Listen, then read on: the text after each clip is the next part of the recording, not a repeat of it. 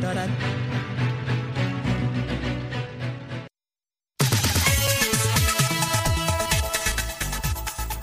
دا واشنگتن دی تاسو د امریکا غږ آشنا رادیو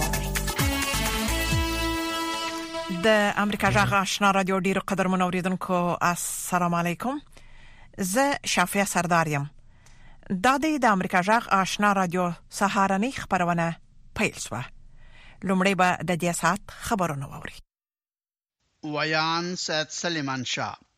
امریکایي چارواکو طالبانو ته خبرداری ورکړی دی چې په افغانستان کې به د نجونو پر مخ د ښوونځیو نه پرانیستل جدي عواقب ولري.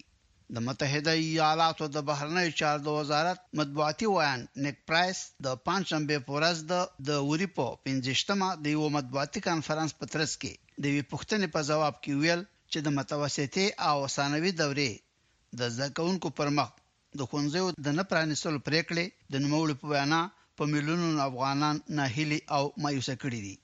د طالبانو انتقالي حکومت مخکې ژمنه کړې وه چې سږ کال به په افغانستان کې د نوي تعلیمي کال له رارسېدو سره سم د ټولو نجونو پر مخ ښونځي پرانیستل شي خو بیا وروسته تر امر ثاني پورې خپله پریکړه وځنډوله. دافغانستان او نړۍ خبرونه د امریکا غږ واشنګټن نه اورئ. په شمالي او جنوبي وزیرستان کې په دریو حملو کې د پاکستان د پوځ اته تنه عسکر وژل شوي او پنځه تنه نور یې ټپیان شوي دي.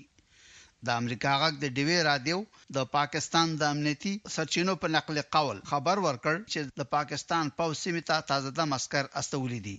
د امریکا د مرکزي استخباراتو د ادارې یا سي آی اې رئیس ویلیم برنز د جمعې په ورځ خبرداری ورکړ ممکن چې جمهور رئیس ولادیمیر پوتین په یوکراین کې په محدوده پیمانه اټومي جنګ وکړي. ویلیم برنز وویل چې زما خبرداری سرسري مه ګڼئ. په عین وخت کې د فري پریس ژورنال د روسیې د دولتي مطبوعاتو په حواله رپوټ ورکړ چې په توره بحیره کې د روسې د سمندري پوځ د مسکوا نومې غټې جنګي بېړۍ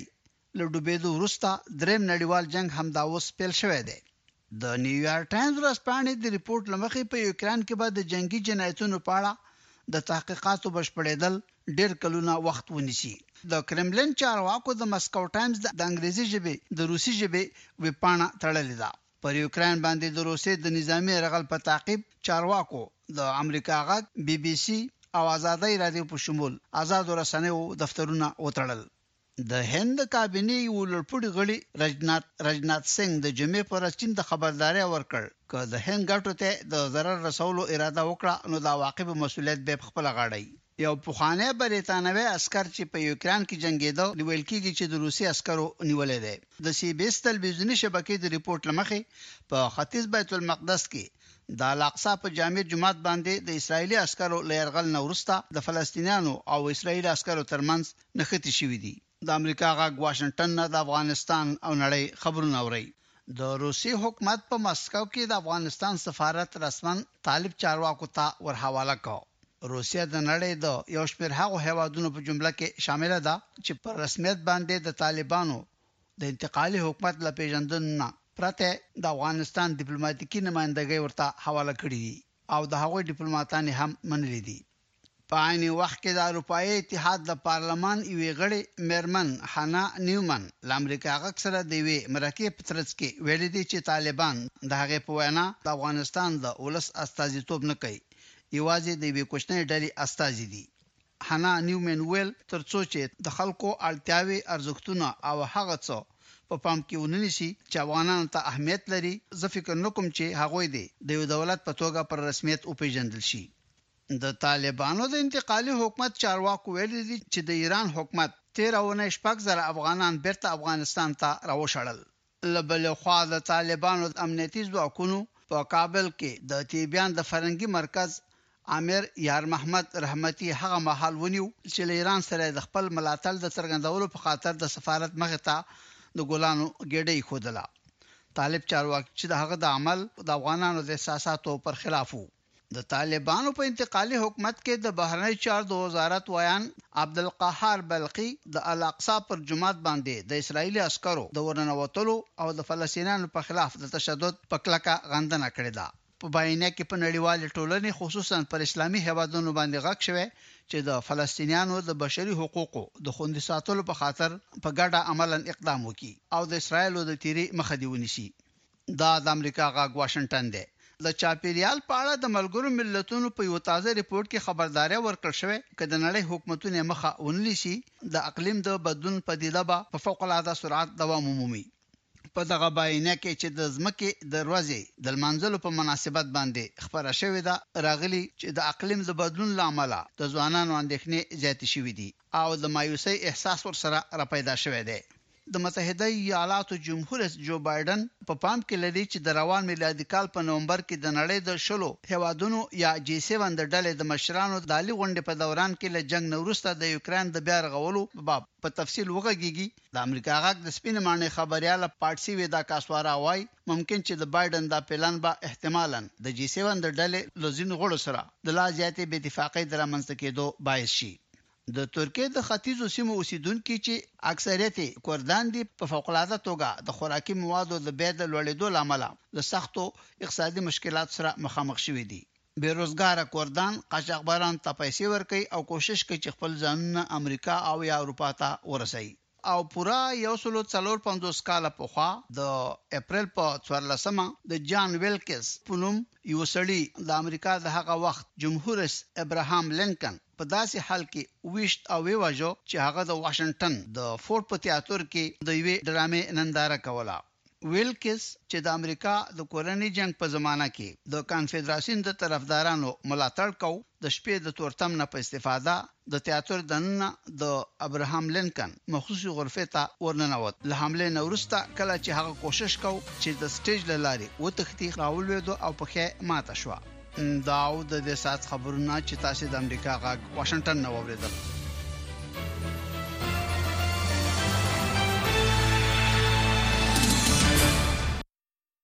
خبرونه مو د امریکا غږ آشنا رادیو څخه اوریدل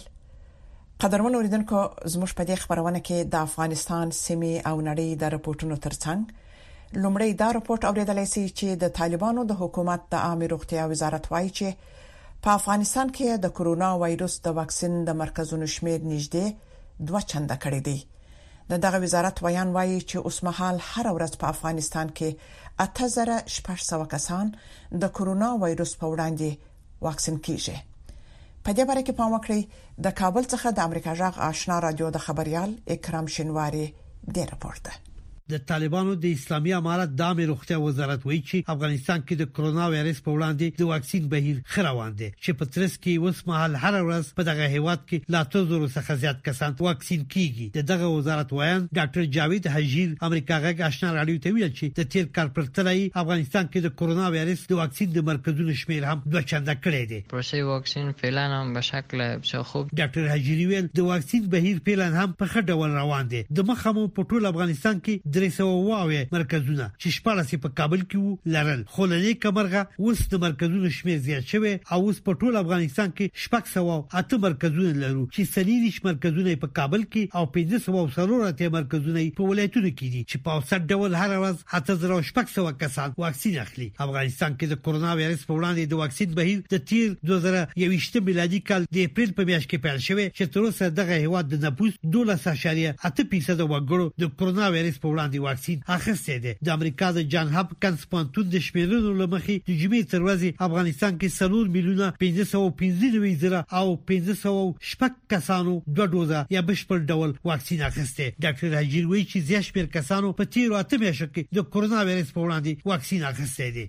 زمان آمدن مرد ډاکټر هجیر ویل واک ته د اسلامي امارت د رسیدو وروسته څلور اعشاریه درې میلیونو وګړو د کرونا وایرس واکسین اخیستی دی واکسین بکنیم ډاکټر هجیر دا ونه ویل چې دغو کسانو دوه ډوزه واکسین اخیستی او که هغه کسان هم پکې شامل دي چې یو ډوز واکسین یې اخیستی د جان هپکنز پوهنتون د شمیرنو پر اساس افغانستان کې دغو کسانو شمیر چې یو ډوز واکسین یې اخیستی پنځه میلیونه نهه سوه او څلوېښت زره څلور سوه کسانو ته رسیږي افغانستان کې د کرونا وایرس په وړاندې د واکسین بهیر په داسې حال کې چټک شوی چې دغه هیواد د عامې روغتیا وزارت د معلوماتو پر اساس په تیرو ونیو کې په پرلپسې ډول د کرونا وایرس پېښې کمې شوې دي. د عامې روغتیا وزارت وایي چې د اپریل د میاشتې په لومړۍ اونۍ کې افغانستان کې ټولې درې سوه او څلور مثبتې پېښې ثبت شوې دي. د فبرورۍ په میاشت کې په هره اونۍ کې د درېیو او څلور زرو ترمنځ پېښې ثبت کېدلې. د افغان جاپان روغتون چې د کرونا وایرس د ناروغانو د درملنې لپاره ځانګړی شوی، په دغه روغتون کې ډاکټران وایي چې د پخوا پرتله روغتون ته په کم شمېر ناروغان د درملنې لپاره ورځي.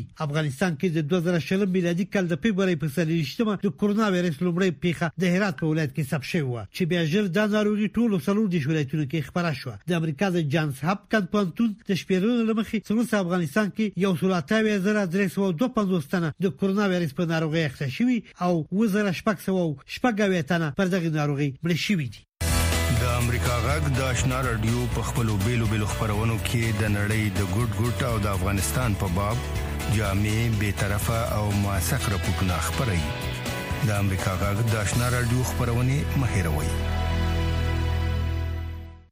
د امریکا غږ آشنا رادیو څخه راپورټونه ته دوام ورکوي د روسیې په خوانی ولسمشر او د جګپړې امنیتي چارواکي دمیتري مدویدوف خبرداري ورکړي که فنلنډ او سویډن د ناټو سازمان سره یو ځای شي، مسکو به د بالتیک او سکندنیوي هیوادونو په خوا کې اټومي وسلې ځای پر ځای کړي. دا په داسې وخت کې ده چې فنلنډ او سویډن د چهارشنبې په ورځ اعلان وکړ چې د ناټو سازمان د غړیتوب ترلاسه کولو په برخه کې مهم پړاوونو ته رسیدلی دی. د بلې خوا جمهور رئیس بایډن او د اوکراین جمهور رئیس سره په تلیفوني خبرو کې هوکړه کړې چې اوکراین د اته سوه میلیون ډالرو په ارزښت پوځي وسلې او تجهیزات ورکوي. د روسیې پخواني ولسمشر او د امنیت شورا مرستیال دمیتري میدودوف خبرداری ورکړی که فنلنډ او سویډن د ناټو غړیتوب ترلاسه کړي، روسیه به په سیمه کې اټومي وسلې ځای پر ځای کړي. ښاغلي میدویدوف د تلګرام په یو پیغام کې ویلي که دا دوه هیوادونه له ناټو سره یوځای شي د غړو هیوادونو سره به د روسیې پوله دوه برابره شي او طبیعي خبره ده چې پوله به پیاوړې کړي فنلند او سویډن د چهارشنبې پر ورځ اعلان وکړ چې د ناټو سازمان د غړیتوب ترلاسه کولو په برخه کې مهم پړاو ته رسیدلي دي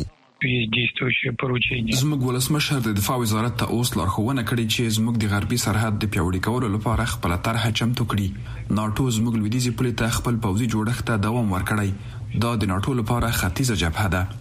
د فنلنډ او سویډن صدراعظمانو د چهارشنبې په ورځ ناټو سره د یوځای کېدو د امکاناتو په اړه بحث وکړ. د اوکراین د جګړې په اړه فنلنډ او سویډن چې بېطرفه وو، اوس اړ شول چې ناټو سره د یوځای کېدو په لوري لومړنی ګام پورته کړ.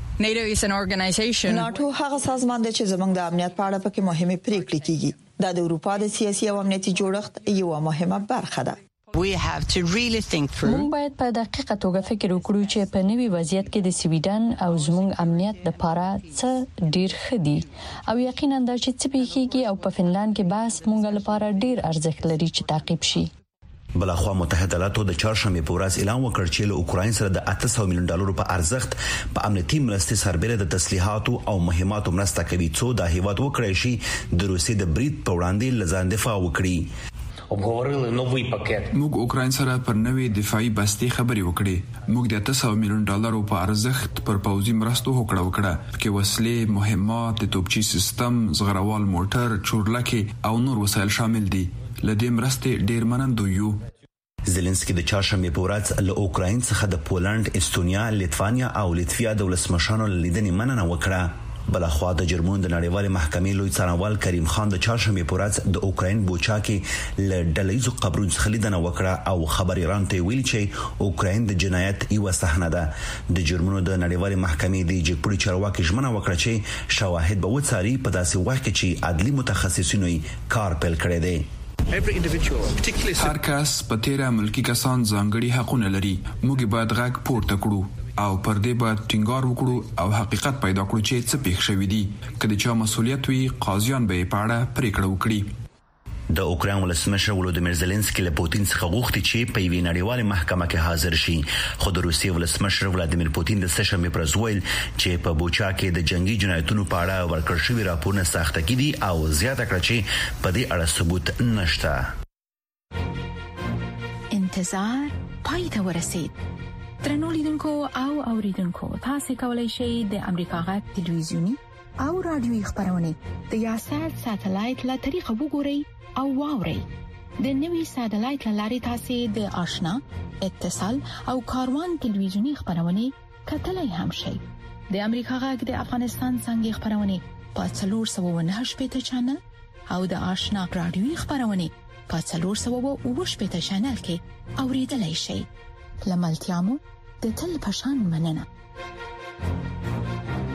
درنو اوریدونکو روسیې یو اونۍ مخکې په مسکو کې د افغانستان سفارت طالبانو ته وسپاري او د هغو هیوادونو په لیست کې ورشامل شو چې پرته لدی چې د طالبانو حکومت پر رسمیت او پیژني د دوی ډیپلوماټ ته د کار اجازه ورکړي په دې اړه نور تفصيل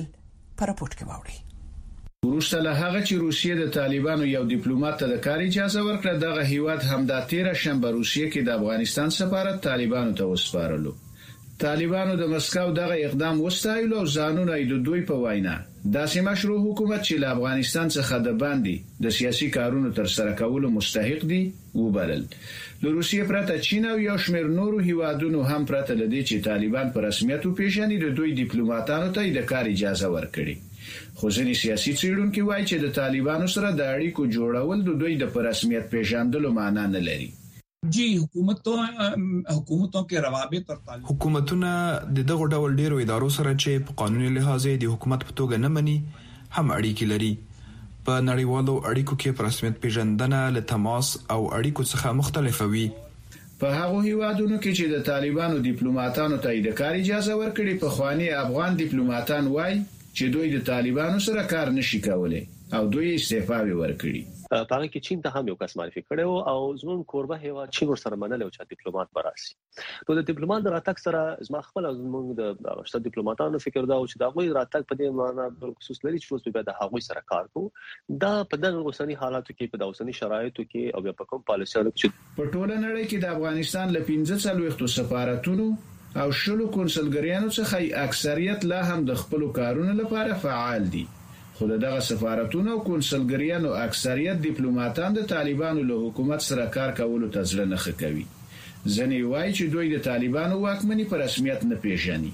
مه نمایندګي هست مردم افغانستان میکنم. د نړیوالو او ملي قوانینو پر بنسټ اوس هم زه د افغانستان د خلکو استازی یم. طالبان په ملي او بین المللي کچو کوم مشروعیت نه لري، دوی دا دعوه چې یو حکومت دی نه شي کولای. نړیواله ټولنه د طالبانو د حکومت د په رسمیت پېژندلو لپاره له طالبانو د بشر حقونو ته د درناوي کولو، نجونو ته ښوونځیو ته د تللو د اجازې ورکولو او د ترهګرو سره د اړیکو پرې کولو په ګډون د یو ټولګډونه حکومت جوړول غواړي.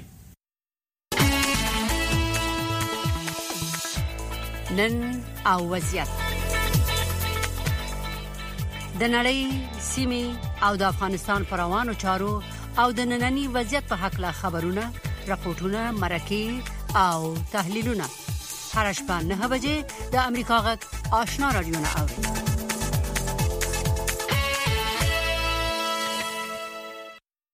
د اروپايي پارلمان غړې هانا نیومن وايي، طالبان د ولس استازي نه، بلکې د یوې کوچنۍ ډلې استازیتوب کوي او تر هغو پورې چې طالبان د میرمنو او لږکیو د حقونو په شمول د ټولو خلکو حقونو او هغه څه ته چې د افغانستان خلکو ته مهم دي درناوی ونه کړي او په رسمیت یې ونه پیژني داسې هیڅ لار نشته چې دوی په رسمیت وپیژندل شي میرمن نیومن له وحید فیضي سره په مرکه کې ویلي، لویدیځ او یو شمېر نور هېوادونه د بشري مرستو د رسولو او په ازاده توګه له افغانستان څخه د سفر کولو په شمول په ګڼو مسایلو له طالبانو سره خبرې کوي، خو خبرې کول د هغوی د رسمیت پېژندلو په مانا نه ده. تاسو په تېره اروپايي پارلمان افغان مېرمنو سره د مرستې لپاره څه کړي؟ په واقعیت کې هغه څه چې موږ افغان میرمنو لپاره کولای شو محدود دي. کله چې موږ په افغانستان کې وو، زموږ سرتیري لا هلته وو. د افغان میرمنو د وضعیت ښه کول یوه ننګونه وه. لاهم موږ هڅه کوو چې هغوی سره خپلې همدردي وښیو او ملاتړ یې وکړو. تاسو ته د مثال په توګه وایم، طالبانو له پیل څخه دا واضح کړې ده چې میرمنې به په سیاست کې هیڅ ونډه نه لري. له پیل څخه موږ ویلي دي چې دا نه منو. د ښځو په نړیواله ورځ کې موږ یو شمیر میرمنې رابللې وې چې د ښځو د مسایلو او د بشري مرستو پر رسولو باندې خبرې وکړي موږ اړ یو چې له طالبانو سره تعامل وکړو او افغانستان سره خپل ملاتړ ته دوام ورکړو که طالبان په ټولنه کې میرمن ته له حق ورکولو انکار ته دوام ورکړي آیا اروپאי اتحادیه به له هغوی سره خپل تعامل ته دوام ورکړي له طالبانو او افغانستان څخه به ملاتړ وکړي دوه ډوله مختلف ملاتړ دی یو بشري مرستې دي بشري مرستې باید د دې لامل شي چې خلک له لوګلي سره نه دي مخ د بشري مرستو رسولو لپاره ټاکلي معیارونه شته او هغه خلک چې مستحق دي باید ورسره مرسته وشي ټول سیمو ته باید مرستې ورسول شي ترڅو خلک ورته لاسرسي ولري مونږ به خپل مرستو ته دوام ورکړو ځکه نه غواړو چې په افغانستان کې څوک د لوګلي کبل مړ شي ځکه زیات خلک اوس د لوګي سره مخ دي بله مسله د پرمختیايي مرستو په نوم یادېږي چې اساسا په افغانستان کې د سیاسي بدلون او سیاسي اجنډا څخه ملاتړ کوي چې له بشري مرستو څخه جلا دي دا ډیره واضح ده چې طالبان بدل شوی نه دي موږ د هغه دولت ملاتړ نه کوو چې په بشپړه توګه د بشر او میرمنو حقونه له پامه وغورځوي دا حالت به تر هغه دوام وکړي او په خپل ځای به وي ترڅو چې طالبان په خپل کړنو ژمنو عمل ونکړي ایا فکر کوئ اروپايي ټولنه په تېره لوېدیځ هېوادونه طالبان د یو دولت په توګه په رسمیت به وپېژني؟ نه. دلیل یې څه دی؟ طالبان د افغان ولس استازي نه دي. تر څو پورې چې طالبانو د افغانستان د خلکو اړتیاوې، ارزښتونه او هغه څه چې د افغانستان خلکو ته مهم دي په رسمیت نه وي پېژندلي، زه فکر نه کوم چې هغوی د افغانستان د دولت په توګه په رسمیت وپیژندل شي. خو اروپايي هېوادونو په شمول په تېره په ناروې کې غونډه وشوه، په وروستیو کې په چین کې د بېلابېلو هېوادونو استازو طالبانو سره لیدلي او طالبان فکر کوي چې دا په غیر مستقیمه توګه د هغوی په رسمیت پېژندل دي. د افغانانو د ساتنې په موخه موږ یو لړ مسایل لرو لکه د بشري مرستو رسول دا ډاډ باید ترلاسه شي چې خلک کولای شي له افغانستان څخه بهر او دننه سفر کولای شي موږ باید ډاډه شو چې پر دې مسایلو باندې فشار راوړو او وکولای شو پر دې مسایلو کار ته دوام ورکړو موږ اړتیا لرو چې له طالبانو سره خبرې وکړو خو له یو چا سره خبرې کول په دې معنی نه دي چې مونږ هغوی ته مشروعیت ورکوو او د یو دولت په توګه په رسمیت پیژنو Uh, uh, دا چې طالبان پر افغانستان واکمن شوي دي آیا تاسو راضي یاست په افغانستان کې د اروپאי پارلمان تر ټولو لوی اندېښنه څه ده مونږ په افغانستان کې طالبان ته د یوې ډلې د استازو په سترګه ګورو هغه یوازې د یوې کوچنۍ ډلې استازي دي زموږ لوی اندېښنه دا ده چې څنګه کولای شو ډاټ تر لاسه کړو چې په افغانستان کې د میرمنو او بیلابیلو لګکیو په شمول ټول خلک چې ژوند کوي په پریکړه نیولو کې ونډه ولري دا هغه څه دي چې موږ هڅه کوو یو لار ورته پیدا کړو او ډاټ تر لاسه کړو چې په افغانستان کې ټول خلک بیرته خپل حقونه تر لاسه کړي په دې وروستیو کې له شپږم ټولګي پورته د نجونو پر ښوونځیو بندیز ولګېد، په دې اړه د اروپايي پارلمان غبرګون څه و؟ یوه ژمنه وه چې نجونې کولای شي د مارچ په درویشت مه نېټه بېرته ښوونځیو ته ولاړې شي او اروپايي اتحادیې هم ژمنه درلوده چې نجونې بېرته ښوونځیو ته ولاړې شي، دوی به د یونیسف ملاتړ کوي، ترڅو د استادانو تنخواګانې ورکړي او هیڅ بهانه به نه وي ترڅو دا ډاډ ترلاسه کړو چې ټول زده کړو ته لاسرسي ولري موږ ولیدل چې یو شمېر والدینو په سختۍ خپل ماشومان ته لباس واخیست او د ښوونځیو د اړتیا وړ توکي واخیستل خو هغه ښوونځي ته د تلو مخه ونیوله او دا ډیره زړه ماتونکې و چې د دغو جنونو مخه ونیول شو لدې کار سره طالبان وخوده چې په خپل ژمنو عمل نه کوي تیر اونۍ په اروپאי پارلمان کې مونږ په دې اړه په عمومي غونډه کې بحث درلود او یو پریکړه لیک مو هم صادر کړ چې پکې په واضح توګه له طالبان غوښتل شوې دي چې په دې اړه اقدام وکړي او مونږ تمه لرو څومره ژر چې کیږي جنوني بیرته خوندزیو ته ولاړ شي د هلمند د کتلوي معافیت مسؤلین یو ځل بیا اندیشنه شي او وایي چې په دې ولایت کې د طبي څېړنو له مخې د ماشومانو د ګوزڼ د ناروغۍ محیطي وایروس موجود دی. یاده اداره زیاتوي چې د هوا په تودېدو سره دا د ماشومانو روغتیا ته لوی ګواښ دی. نور حال د صدیق الله صدیقي په رپوټ کې واورئ. هلمند ولایت په تېرو څو کلونو کې د پولیو یا د ماشومانو د ګوزڼ ګڼې پېښې درلودې چې همدا لامل یې په پرلپسې توګه د ګوزڼ ضد واکسین څخه د ماشومانو محرومیت بلل کېږي. خو د هلمند د کتلوي معافیت مسولین وایي چې د چاپیریالي څېړنو له مخې په دې ولایت کې د ګوزاړ وایروس په لوړه کچه موجود دی. د هلمند د کتلوي معافیت یو مسول ډاکټر سمیع الله همدرد امریکا غږ اشنا راډیو ته وویل، که چیرې تر هر ماشومه پورې د پولیو ضد واکسین ونه رسیږي، ممکن د هوا په تودیدو سره ګڼ ماشومان په یاده ناروغي اخته شي. اوس هم په چاپیریال کې موږ د پولیو وحشي وایرس لرو. ځکه چې موږ انوایرنمنټل سمپلونه اخو د محیط څخه البته د چټلو اوبو څخه د بدرفت اوبو څخه چې په هغه کې اوس هم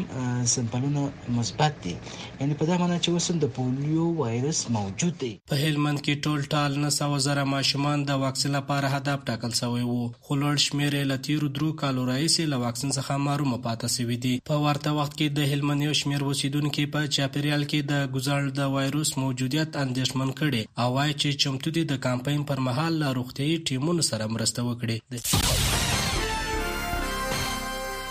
درنو اوریدونکو دا د امریکا غږ سرمقاله ده چې د امریکا د حکومت نظر څرګندوي. د مهاجرو لپاره د ملګرو ملتونو عالي کمشنرۍ یا یو این ایچ سي ار د روهینګا د بشري ستونزو لپاره د دوه زره دوه ویشت کال د ګډ عکس العمل پلان پیل کړ.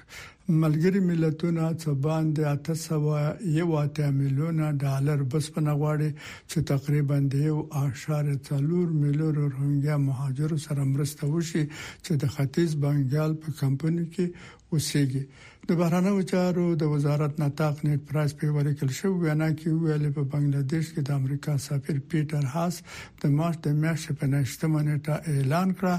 امریکا به د هغو مهاجرو لپاره یو سل او دوه پنځوس میلیونه ډالر اضافي بشري مرسته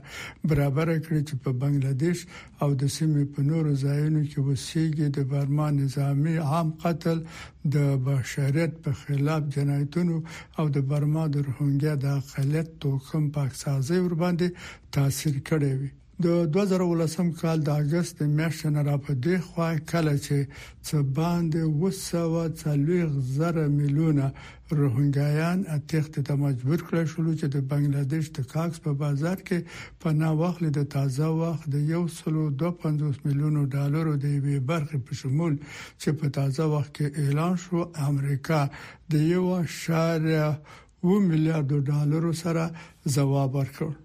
د دغو وروستیو پیسو نه څه باندې 115 میلیونه ډالر په خاصه توګه په بنګلادیش کې د پروګرامونو لپاره تخصیص شوي دي، ځینې پیسې به زموږ د بشري انډیوالانو سره مرسته وکړي چې په بنګله دیش کې د څه باندې 920 زرو روهنګیا مهاجرو سره د ژوند ژغورلې مرسته وکړي دا به په بنګله دیش کې د محلي کوربه ټولنې د څه باندې 1540 زرو غړو ته مرسته برابر کړي چې دغه ستونزې ور باندې تاثیر کړی دی ځینې دغه پیسې به د کورنیو لپاره په خواړو، د څښلو په پاکو اوبو، روغتیا او حفظ الصحې باندې ولګول شي چې د ناروغۍ د خپرېدو مخنیوی وکړي. دا به د روهینګیا د مهاجرو د بشري حقوقو او روغتیا د ژغورلو سره مرسته وکړي. دا به د ناورین په مقابل کې د چمتووالي په قوي کولو کې مرسته وکړي او د اقلیم د بدلون د تاثیراتو سره په مبارزه کې مرسته وکړي په همدې ډول موږ په یو ګو چې برسره په نورو شیانو خوونه او روزنه او د عاید د پیدا کولو فعالیتونه ډېری مؤثره طریقې دي چې په بنگلاديش کې د مهاجرو کمپونه محفوظ کوي دا یو له دلیلونو نه دی چې ولې ځینې پیسې به د دې لپاره تخصیص کیږي چې د دې ډاډ ورکړی شي چې ماشومان او ځوانان ښوونې او مسلکي روزنې ته لاسرسی ولري. نطاق پرایس وویل، امریکا درک کړې ده چې بنګله دیش او د دې خلکو د مهاجرو په کوربه توب کې ډیر زیات مسولیت په غاړه اخیستی دی، موږ د بنګله دیش د حکومت، روهنګیا او دننه په برما کې د خلکو سره په ګډه کار کوو چې دغې ستونزې ته حل پیدا کړو چې په دې کې محفوظ په خپله خوښه په عزت سره او دوامدار ستنېدل او روهنګیا مهاجر په ټولنه کې باید مدغم کېدل او د ننه په هېواد کې بې ځای شوي خلک کله چې په برما کې شرایط اجازه ورکړي چې بېرته ځای پر ځای شي